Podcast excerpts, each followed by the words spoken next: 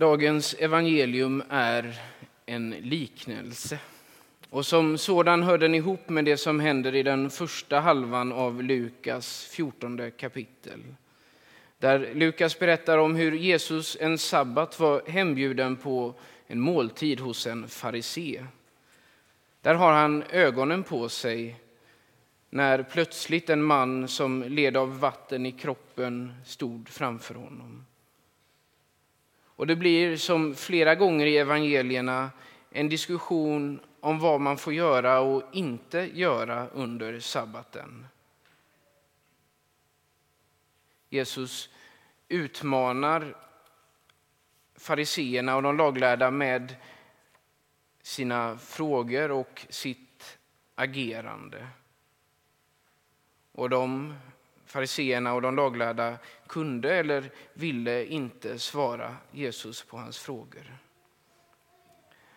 Samtalet kring bordet där hemma hos farisén fortsätter. Och Jesus utmanar än en gång, den här gången sin värld, genom att uppmana honom att inte bara bjuda de som förväntades bli inbjudna utan även de som han på förhand visste inte skulle kunna bjuda tillbaka. Och så säger han, salig är du då, eftersom det inte kan ge dig någon belöning. Belöningen får du vid de rättfärdigas uppståndelse. Det är här vi kommer in i evangelietexten och en av gästerna hör vad Jesus säger och utbrister i detta Salig den som får vara med om måltiden i Guds rike. Detta utrop kanske framförallt ska förstås som en fråga till Jesus. En fråga inte helt olik den som vi finner till exempel i den judiska påskmåltiden där den äldste sonen i huset varje påsk frågar sin pappa varför firar vi detta? Varför gör vi så här? Det är liksom en slags stickreplik för pappan att få möjlighet att berätta om hur Gud en gång befriade sitt folk från slaveriet i Egypten och hur han kallade dem ut i öknen för att där fira gudstjänst inför hans ansikte. En fråga som lärjungen ställer till sin mästare eller sonen till sin pappa för att han ska få lägga ut ämnet. Salig den som får vara med om måltiden i Guds rike är alltså en fråga ungefär i stil med Jesus, hur ser du på himmelriket? Och det är ingen slump att Jesus då använder sig av bilden av en måltid. Dels för att det var ju faktiskt det de höll på med. De satt vid bordet och skulle äta tillsammans. Men också för att himmelriket och också den yttersta tiden liknas vid just en måltid. Och inte bara i episten från Uppenbarelseboken som vi lyssnade till. Profeten Jesaja till exempel har en vision av himmelriket som en måltid i sitt 25 kapitel. Där läser vi Herren Sebaot ska på detta berg hålla gästabud för alla folk.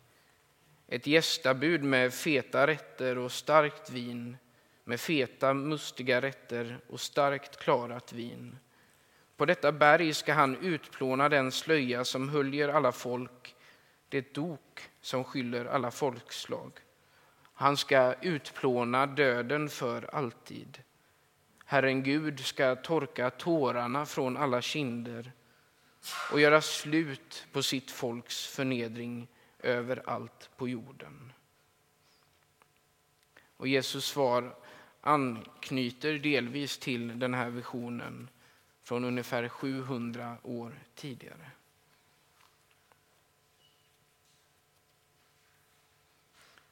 Jesus svarar alltså mannen i liknelsens form. Och festen som han beskriver har föregåtts av två inbjudningar. Den första en lång tid innan, inte helt olikt dagens så här save the date-inbjudningar som många skickar ut inför ett bröllop eller liknande. Då liksom nu ville värdfamiljen tidigt skapa en bild för hur många som kunde tänkas komma.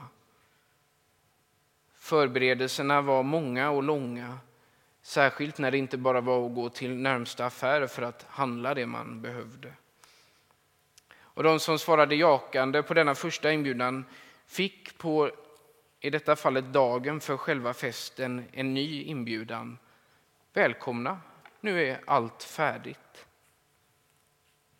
Det var då, när maten var klar och festen skulle till att börja, som gästerna i texten drog sig ur. Och den ena ursäkten i texten är märkligare än den andra. Att köpa en åker i denna mycket torra del av världen med få tillgängliga marker för vettig odling utan att först ha tittat på den är väl knappast tänkbart. Som att köpa en tomt med, där det står att det ska vara havsutsikt och så upptäcker man när köpet har gått igenom att ha, nu ska jag bo i Burås. Ganska långt ifrån havet med andra ord. Och på samma sätt är det väl knappast tänkbart att någon köper fem par oxar utan först att se vad de går för om de överhuvudtaget kan dra en sån här plöjmaskin tillsammans. Precis som om du funderar på att köpa en bil. Du vill väl väldigt gärna titta på vad det är för potentiell skrothög du kan tänkas köpa. Och så vidare. Den tredje personen som precis har gift sig var antagligen, antagligen antingen högst ovetande om att han den dagen skulle gifta sig eller så hade han väldigt dålig koll på sin almanacka. Sammantaget är det som vi märker inga oviktiga delar av livet som ursäkterna gäller. Men ställda i relation till den förnedring som det innebar för världen är detaljerna i de här ursäkterna väldigt märkliga. Och vad som nu händer är att världen blir arg. Och den stora frågan är vad han ska göra av sin vrede. Världen hade vi, kan vi tänka hade mycket väl kunnat låta sin vrede gå ut över dem som nu hade svarat tyvärr, jag kan inte komma. Men istället bjuder han in även de som inte kunde bjuda tillbaka. De som inte var värdiga att först komma på festen. Vad är detta en bild för, om inte annat än hur Gud är? Jag tänker att med liknelsen berättar Jesus liksom en del av det vi kallar för frälsningshistorien. Hur Gud söker oss människor och hur människor svarar på denna kallelse från honom. Men också hur Gud inte låter sin vrede drabbas, drabba oss utan hur han istället låter den bli nåd. Evangeliet är i det perspektivet främst en beskrivning av Guds nåd. Hur den vrede som Gud ändå känner inför våra sätt att förnedra honom vänds till nåd. Och hur denna nåd tar sitt kanske främsta uttryck i måltidsgemenskapen med honom. Här i tiden manifesterad i nattvardens firande i våra kyrkor. Hur vår gudstjänst på något sätt blir en försmak av himmelriket och hur Guds nåd spränger gränserna för vem som är och upplever sig vara bjuden. Dagens evangelium talar om hur nåden är grunden för kallelsen till Guds rike. De andra läsningarna lyfter liksom exempel på detta. Johannes berättar i sin syn hur, om de vita kläderna som de kallade vid bröllopsmåltiden bär. De är vita för att de har tvättats vita genom Lammets blod. Vita för att Gud av nåd har gjort synderna om intet. Som Sakarja också fick höra och se i sin syn i den gammaltestamentliga läsningen. Som jag sa tidigare, de smutsiga kläderna är en, där är en bild för Josuas synd. Vad den mer konkret består i framgår inte i den här texten och inte heller i någon av de andra texterna där denne Josua nämns. Men när han kläs av de smutsiga kläderna och i högtidsdräkten blir hans synder förlåtna. Jag tänker också på kung David, hur han är ett exempel på denna nåd. Eller mottagare av denna nåd, ska vi väl säga. När han ställs inför profeten Natans strafftal efter Urias död. Han hade ju beordrat att Uria skulle ställas först i ledet i kriget eftersom han hade fattat tycke för hans fru Batseba. David gjorde orätt, något som han själv menade förtjänade döden. Men han erkände sitt brott och fick förlåtelse.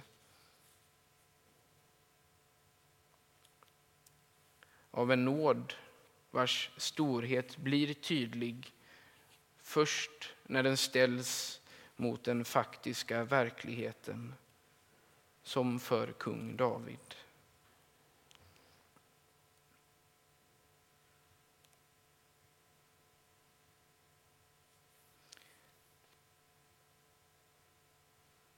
Liknelsen som Jesus berättar sammanfattar alltså grunden för kallelsen till Guds rike. Den är en manifestation av Guds nåd. Det är en kallelse som vilar på den dyra nåden som den tyske teologen Dietrich Bonhoeffer uttrycker det. Det är en kallelse till daglig omvändelse till liv för Jesus. Den är dyr därför att den kallar till efterföljelse av honom. Den är nåd för att det är Jesus som kallar oss att följa.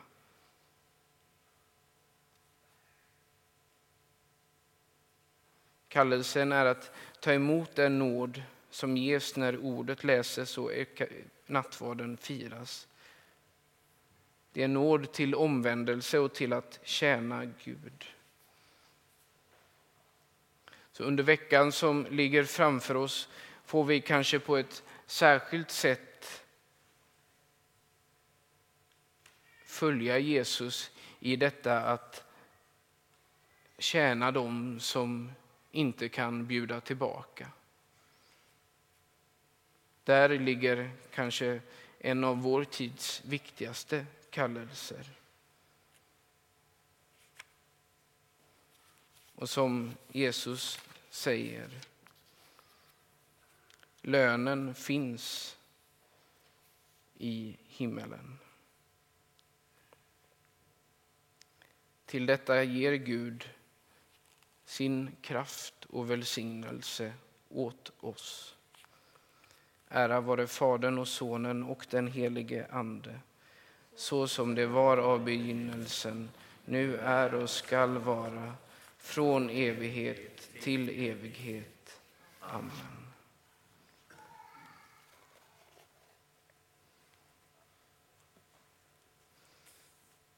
Låt oss stämma in i vår kyrkas trosbekännelse.